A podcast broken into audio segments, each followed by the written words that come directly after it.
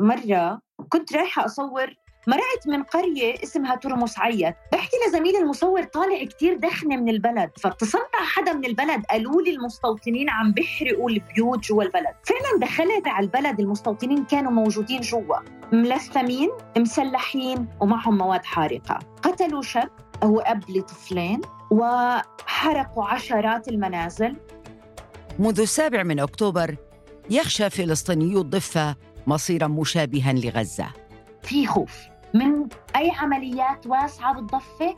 زي اجتياح ال 2002 الناس اليوم اللي عم بتشوفه عم بيصير بغزة عم تخليها خايفة وأنا عم بحكي عن شريحة الشباب. والتهجير كابوس آخر. اليوم شريحة من الشباب بتقول لك أنا إذا صار شيء أنا ماخذ أولادي وطالع على الأردن. أنا طالع على الجسر. هاي الكلمة بتسمعيها كثير من الناس. فنعم في خوف من أي تهجير. في هذا البودكاست نلقي نظرة على واقع الحياة في الضفة الغربية وتشرح لنا ثروة شقرة مراسلة شبكة الشرق الأوسط للإرسال هناك كيف تمضي يوميات الفلسطينيين والمستوطنين وما الذي تغير بعد اندلاع الحرب في غزة. أنا انتصار يونس وهذا بودكاست زوايا من سوا بودكاست. إلى الغرب من نهر الأردن وعلى مساحة تقارب 5600 كيلومتر تمتد أراضي الضفة الغربية متوسطة كلا من الأردن وإسرائيل. هي بتشبه حبة الفاصوليا. فيها جبال وفيها سهول فيها غور. نحكي لما نحكي عن الغور اللي هو بشكل ثلث مساحة الضفة الغربية وهو بيعتبر السلة الغذائية للفلسطينيين لأنها أراضي زراعية وفيها موارد طبيعية كتير. وعندك سهول كمان بتمتد لشمال الضفة اللي هي جنين وبعض المناطق في محيط جنين. وفيها جبال نابلس معروفة أنه هي أكثر أكثر المدن الفلسطينية مشهورة بجبال. وعندك مناطق آه، مثل البحر الميت آه، في مدينة أريحة كمان تعتبر من ضمن المناطق اللي تقع جنوب الضفة الغربية وعندك كمان تمتد للأغوار الشمالية. الضفة الغربية تقسم لشمال وسط وجنوب. عندك في شمال الضفة أشهر المدن جنين طبعا أقصى الشمال وعندك نابلس طول كرم قلقيلية وسلفيت. وسط الضفة عندنا رام الله وجنوب الضفة عندنا أريحة آه، بيت لحم والخليل. بقيت الضفة الغربية أرضا عربية بعد النكبة. الاسم الذي يطلقه العرب على حرب 1948 وفي عام 67 أو النكسة بحسب التعبير العربي أيضا كانت الضفة من الأراضي التي احتلتها إسرائيل إلى جانب شبه جزيرة سيناء والقدس الشرقية وغزة والجولان في سوريا. لاحقا جاء اتفاق أوسلو عام 1993 وأعطى حكما ذاتيا للفلسطينيين وأنشئت لاحقا السلطة الفلسطينية التي نعرفها اليوم. اتفاق أوسلو هو كان اتفاق مؤقت لتطبيق بنود كثيرة منها للوصول لدولة فلسطينية على حدود عام 67 وعاصمتها القدس الشرقية. اتفاق أوسلو لازم نفسر أنه هو ما بيشمل الشق السياسي فقط إنما الاقتصادي والأمني والديموغرافي والجغرافي للدولة الفلسطينية اللي كان متفق أنه يتم تطبيقها بعد سنوات من هذا الاتفاق. لم يكن الحكم الذاتي وفق أوسلو بالنسبة للضفة يعني أن الفلسطينيين سيحكمونها وحدهم بل تم تقسيم أراضيها إلى ثلاثة أجزاء. جزء من هذا الاتفاق بفصل ماهية هذه الأراضي. ألف هي بتشكل حوالي 3% وفق بعد الإحصائيات وهي مراكز المدن. يعني أنت لما تكوني موجودة وسط مدينة رام الله أنت تخضعي للقانون الفلسطيني. الشرطي الفلسطيني بيقدر يخالفك إذا صفيتي في محل غلط وإذا أنت ارتكبتي أي شيء يتم اعتقالك من قبل الشرطة الفلسطينية. أي أنت تخضعي للسيطرة الإدارية والأمنية للسلطة الفلسطينية. مناطق باء وهي مناطق مشتركة ما بين الجانب الإسرائيلي والجانب الفلسطيني. هي بتشكل 25% إداريا للجانب الفلسطيني أمنيا للجانب الإسرائيلي. مناطق سي تشكل 72% وهي المناطق الأعلى في الضفة الغربية وفق اتفاق أوسلو هي تخضع للسيطرة الإسرائيلية الإدارية والأمنية. وهذا موضوع إشكالي جدا جدا جدا لأنه معظم القرى الفلسطينية هي مناطق C معظم المناطق الفلسطينية هي مناطق C معظم الغور اللي هو بشكل ثلث مساحة الضفة الغربية هو مناطق C في عام 1967 كان الفلسطينيون فقط هم من يسكنون الضفة. لكن بعد ذلك التاريخ بدأت إسرائيل تدريجيا ببناء المستوطنات فيها وإسكان اليهود هناك جنبا إلى جنب مع الفلسطينيين. اليوم يعيش في الضفة حوالي ثلاثة ملايين فلسطيني. إلى جانب مستوطنين شريحة منهم تنظر لهذه الأرض نظرة دينية يسمونها يهود والسامرة وفقا للتسمية التوراتية. سكان الضفة الغربية هم سكان أصليين اللي هن سكان المدن آه واللاجئين الموجودين في مخيمات اللجوء اللي موجودة في الضفة الغربية. إحنا عندنا آه مخيمات بيعيش فيها لاجئين مثلا لجأوا من حيفا في 48 من يافا من اللد من الرملة من كل المناطق اللي كانوا عايشين فيها في 48 بالإضافة طبعا للمستوطنين اللي هن بدأوا بالإستيطان في الضفة الغربية في عام 67 حسب خبراء في مجال الإستيطان خبراء فلسطينيين طبعا بيقولوا إنه عدد المستوطنين في الضفة الغربية اليوم تقريبا هو 850 ألف مستوطن اليوم بال 2023 بالمناسبة ما في إحصائية دقيقة تشير لعدد المستوطنين وما في مصدر إسرائيلي كمان دقيق يشير إلى عدد دقيق للمستوطنين. وكم عدد المستوطنات التي يسكنون فيها؟ اليوم في ظل وجود سلطة أوسلو في ظل وجود سلطة فلسطينية عندنا 198 مستوطنة في الضفة الغربية والقدس وعندنا 200 بؤرة استيطانية عشوائية لما نقول بؤر عشوائية شو يعني؟ البؤر كانت عبارة عن مجموعة من المستوطنين عدد قليل منهم 20 يجيبوا كرفانات يحطوها جنب قرية فلسطينية على التلة نفس المبدأ ومن ثم تتحول شيئا فشيئا لمستوطنة من هم هؤلاء المستوطنين؟ ما هي خلفياتهم؟ أنا حكيت مع جمال جمعة وهو خبير بشؤون الاستيطان وحكى لنا إنه المستوطنين اللي عايشين بالضفة بيختلفوا من مكان لآخر خلينا نسمع شو حكى يعني اولا عندك الصهيونية الدينية المبني كل وجودهم في الضفة الغربية بناء على إيديولوجية توراتيه دينية اللي بيؤمنوا إنه هذه الأرض هي أرض اليهود وبالتالي لا يحق للفلسطينيين حتى التواجد فيها. هذول هلا بيعتبروها هم باللغة باللغة التوراتية بيعتبروها يهودا والسامرة اللي هي مملكة يهودا ومملكة السامرة. اللي هم الأكثر تطرفا اللي عم بيقودوا كل حملات التطهير العرقي اللي عم بنشوفها في التجمعات البدوية والهجوم على المزارعين بشكل مستمر وبشكل يومي خلال السنوات الماضية. من أجل هذه العملية الاستيلاء على أكبر قدر ممكن من الاراضي الفلسطينيين وعمليه القتل. هلا في مستوطنات اللي مثلا حول القدس مثلا بمحاذاة الخط الأخضر اللي بيسكنوا فيها يهود آه علمانيين خلينا نقول اللي اللي هم كمان آه، أصحاب رتب عليا بالجيش والحكومة وما غيره يعني مثلا يهود براك واحد منهم اللي بي اللي بي اللي بي بيسكن في مستوطنة مستوطنة على جنب قلقيلية. عندك مثلا افيكتور ليبرمان يعني هذول لا افيكتور ليبرمان هم من الفئة الأولى. في واحدة من المستوطنات اللي شرق بيت لحم نيكوديم اسمها. بنكفير في مستوطنة آه، الخليل. عمليا الحكومة الحالية الموجودين المتنفذين السياسيين في الحكومة الحالية اليوم حكومة نتنياهو في معظمهم هم هم من قيادات الحركة الصهيونية المتطرفة مثل سموتريتش مثلا. في مثلا من اليهود مثلا اللي اجوا من من روسيا مثلا. دول موجودين في أكثر من محل حول القدس القدس الشرقيه في هذيك في هذيك المناطق غير المتدينين الأشكناز اللي بنسميهم إحنا اللي هم الحريديم. طب كيف تطور بناء المستوطنات؟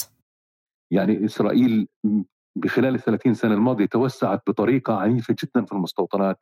اللي قبل أوسلو عاملين هي فترة ال 77 لل 86 اللي هي فترة جوش يمونين بعدين أجت الانتفاضة الأولى اللي هي الأمور هديت بعدين بعد ال 94 بدأت الأمور ب 93 بعد اتفاقية أوسلو بدا الاستيطان المحموم بالضفه الغربية عمليا. واللي بدأ المشروع اللي بدأ في مشروع الاستيطان اللي خلاه مشروع قائم للحياه مرة ثانية اللي هي الطرق الالتفافية اللي تم تم حفرها بالضفة الغربية في ال 94 لأنه خلال فترة سنوات الانتفاضة المشروع الاستيطاني انتهى. لأنه كان كل طرق المستوطنين تدخل عبر تمر عبر المدن الفلسطينية والقرى الفلسطينية. خلال ثلاث سنوات قطعت لأنه كانت الناس تقفلهم بالإحجار. فبالتالي كانت المستوطنين لما بدهم ينتقلوا ينتقلوا عبر اصطحابهم عبر جبات عسكرية ورا المستوطنين الصبح والمغرب كمان راحوا وصلوهم على الخط الأخضر ورجعوهم. فبالتالي لو إسرائيل بدها عمليا سلام وبدها تحكي عن دولة فلسطينية. كان ما عملت الطرق الالتفافية هاي والمستوطنات ماتت لحالها كان انتهت المستوطنات. لكن هم عملوا شبكة من الطرق على طول الضفة الغربية وعرضها. تربط كل المستوطنات القائمة مع بعضها البعض في مخارج هاي ويز اللي بتطلع تلتف حول المدن والقرى وبتربطها بمخارج أساسية مع ال 48 فأعطوها هيك إمكانية شرايين الحياة اللي بنسميها. تشير تقارير ومنها في موقع منظمة بتسالم الإسرائيلية الحقوقية ومنصة السياسة الإسرائيلية إلى أن إسرائيل بنت المستوطنات في البداية لأسباب أمنية وضمان أن أي حل سياسي مستقبلي سيكون منسجما مع الاحتياجات الأمنية الإسرائيلية. أعود إلى ثروة وحياة الناس في الضفة. سألتها كيف لي أن أتخيل شكل الضفة اليوم مع وجود هذه المستوطنات والطرق والحواجز. فانت بتحسي حالك في بلدين بتحسي حالك في منطقتين تماما ما بيشبهوا بعض مختلفتين عن بعض والأهم إنهم ما بيختلطوا مع بعض. أول شيء بلفتك إنه المستوطنات تقع على أعلى التلال. اولا الموقع لأسباب أمنية. آه، إنك تكوني في الأعلى فانت كاشفة المنطقة من تحت فبيكون في نظام حماية من وجهة نظر إسرائيلية إنها تستوطن على أعلى التلال. ومحاطة بسياج ومحاطة بجدار وعليها أبراج عسكرية للأمن والمراقبة. بلس إنه هي بتتميز بالنظام المعماري المتجانس. ما بتشبه نمط البناء الفلسطيني ما بتشبه نمط القرى الفلسطينية اللي هي موجودة في أسفل التلال وليس في أعلى التلال. في بيوت من البطون في بيوت آه، أحيانا من الطين آه، في خصوصي في التجمعات اللي موجودة في الأغوار. الشيء الثاني هو الموارد. الموارد بتكون المياه والآبار وهاي بتكون في محيط التلال ومحيط المستوطنات. بالإضافة إلى أنه وجود كتلة عازلة عن نمط الحياة الفلسطيني اللي بيكون عايش في السهل لإستسهال حياته لأنه المناطق اللي عم نحكي عنها ممكن تكون مناطق زراعية. فالمزارع الفلسطيني بيزرع في السهل بيزرعش في الجبل. بينما المستوطن بروح بياخذ الجبل بقعد عليه يعني بقعد على أعلى قمة الجبل أو أعلى قمة التلة هاي. وكيف يتنقل الفلسطيني إذا ضمن كل هذه التعقيدات الأمنية والسياسية والإدارية؟ هلا إحنا بدنا نتحرك من منطقة ألف مع بعض لمنطقة سي، تحركت؟ وصلت لعند حاجز بيت إيل، حاجز بيت إيل هو آخر نقطة يسمح فيها للشرطي الفلسطيني أو لأي مركبة تابعة للأمن الفلسطيني إنها توصل عنده. أنا بترك هذا المشهد وبدخل على حاجز اسمه حاجز بيت إيل. بدخل بسيارتي بقانون مختلف تماما بحط حزامي لأنه ممكن أتعرض لمخالفة وبطلع. بطلع من حاجز بيت إيل هاي مناطق C لحد ما أوصل وسط مدينة نابلس. في هاي الطريق في كتير مستوطنات في كتير حواجز عسكرية إسرائيلية. بمر على كذا قرية فلسطينية بينها وبين بعض في مستوطنة إسرائيلية. باب المستوطنة في حاجز عسكري أو نقطة للجيش الإسرائيلي. بأي لحظة الجندي فيها يوقفني ويفتشني. وطبيعي على الحواجز الرئيسة زي بيت إيل أنا لازم أوقف وأستنى للجندي يحرك لي بإيده.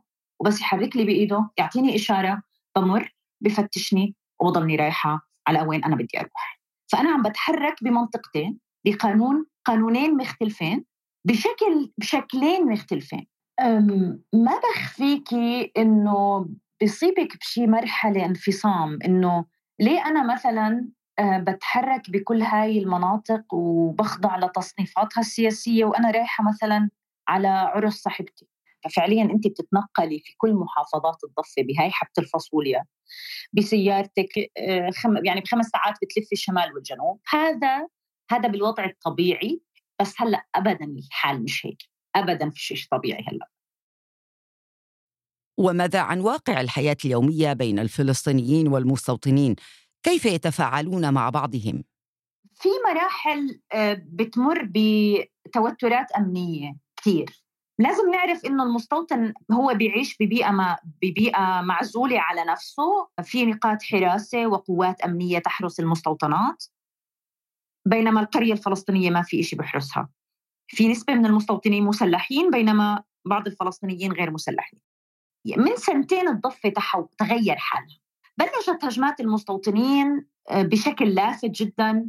في مجموعات متطرفة جدا تطلق على نفسها مثلا على سبيل المثال فتية التلال. فتية التلال مجموعات متطرفة تدعو إلى قتل الفلسطينيين تشريد الفلسطينيين تهجير الفلسطينيين من أراضيهم وتخط شعارات على جدار القرى وسيارات الفلسطينيين وما إلى ذلك.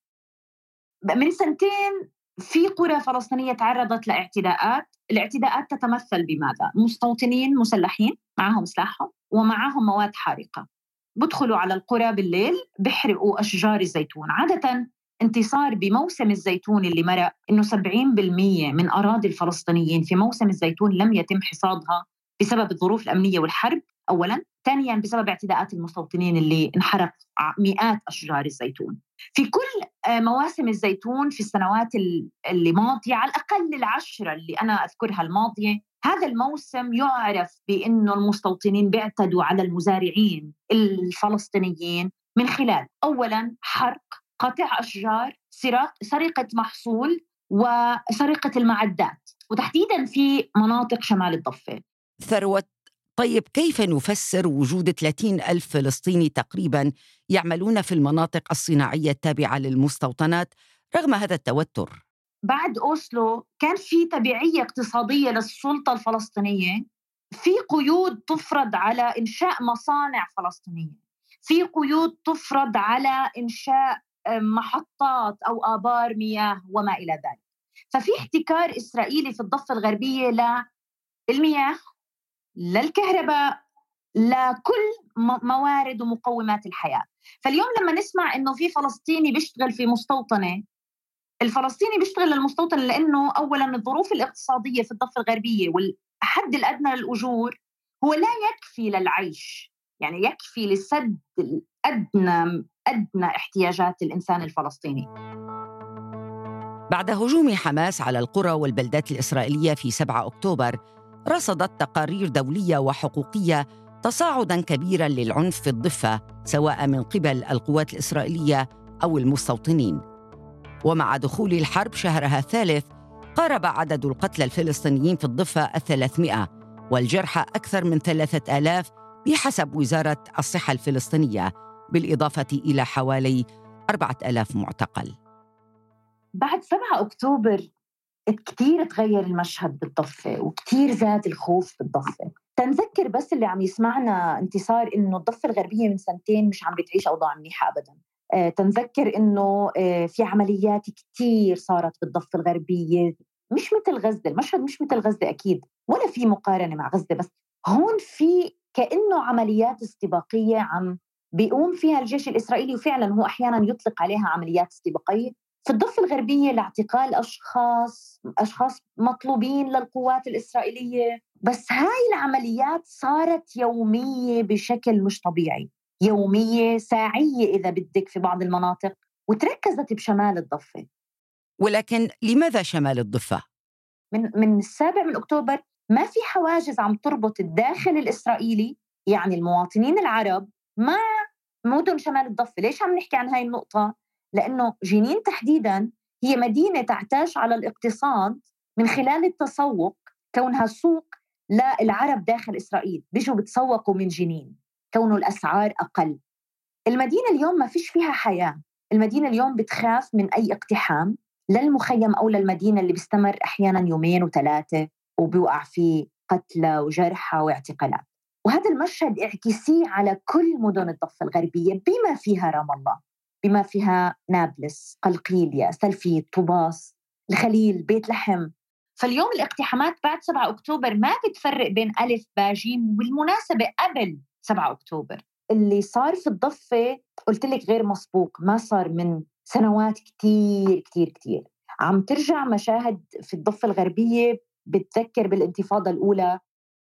طيب وما دور السلطة الفلسطينية في هذا الوضع خاصة أن هناك تنسيق أمني بينها وبين إسرائيل؟ وهي نقطة جدل في الشارع الفلسطيني.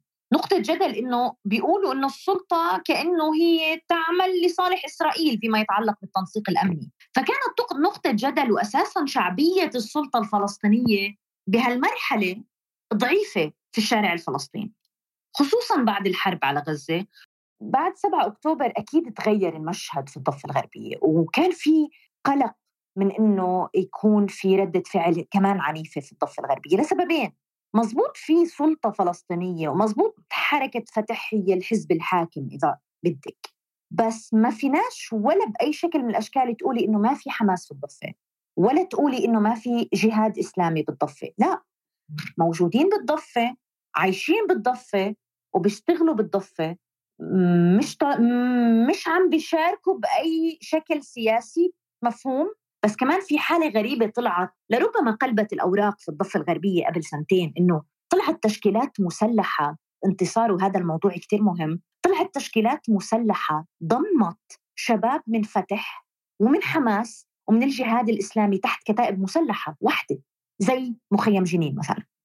ففي حماس بالضفة وعشان هيك إسرائيل من أول الحرب اعتقلت تقريبا 1200 شخص بنتمي لحماس بالضفة في ديسمبر برزت مواقف في واشنطن والغرب تشير إلى أن المخاوف من انفجار الوضع في الضفة جدية. الرئيس الأمريكي جو بايدن قال إنه قلق من مهاجمة المستوطنين المتطرفين للفلسطينيين وشبه الأمر بأنه صب للزيت على النار. كذلك باريس أعلنت أنها تدرس فرض عقوبات خاصة على الجهات المتورطة في أعمال عنف بالمستوطنات الإسرائيلية غير القانونية في الضفة الغربية. في الوقت نفسه أعادت غزة طرح قضية السلام وحل الدولتين الذي يقضي بإقامة دولة فلسطينية على حدود عام 1967 لكن دون أي إجابات أو تصورات حول كيفية إقامة هذه الدولة في ظل وجود كل هذه المستوطنات في الضفة. كان هذا بودكاست زوايا من سوا بودكاست. إعداد وكتابة انتصار يونس. مراجعة عبد العالي الزهار. تدقيق نهيل أورالي مكساج ميراس عريان. إشراف سوا بودكاست محمد فاروق عبد الرحمن. إذا أعجبكم ما نقدمه الرجاء الاشتراك وتقييم الحلقات على منصات الاستماع للبودكاست. وأرسلوا لنا تعليقاتكم واقتراحاتكم على منصات التواصل الاجتماعي. نلتقي في موضوع جديد في بودكاست هذا الأسبوع.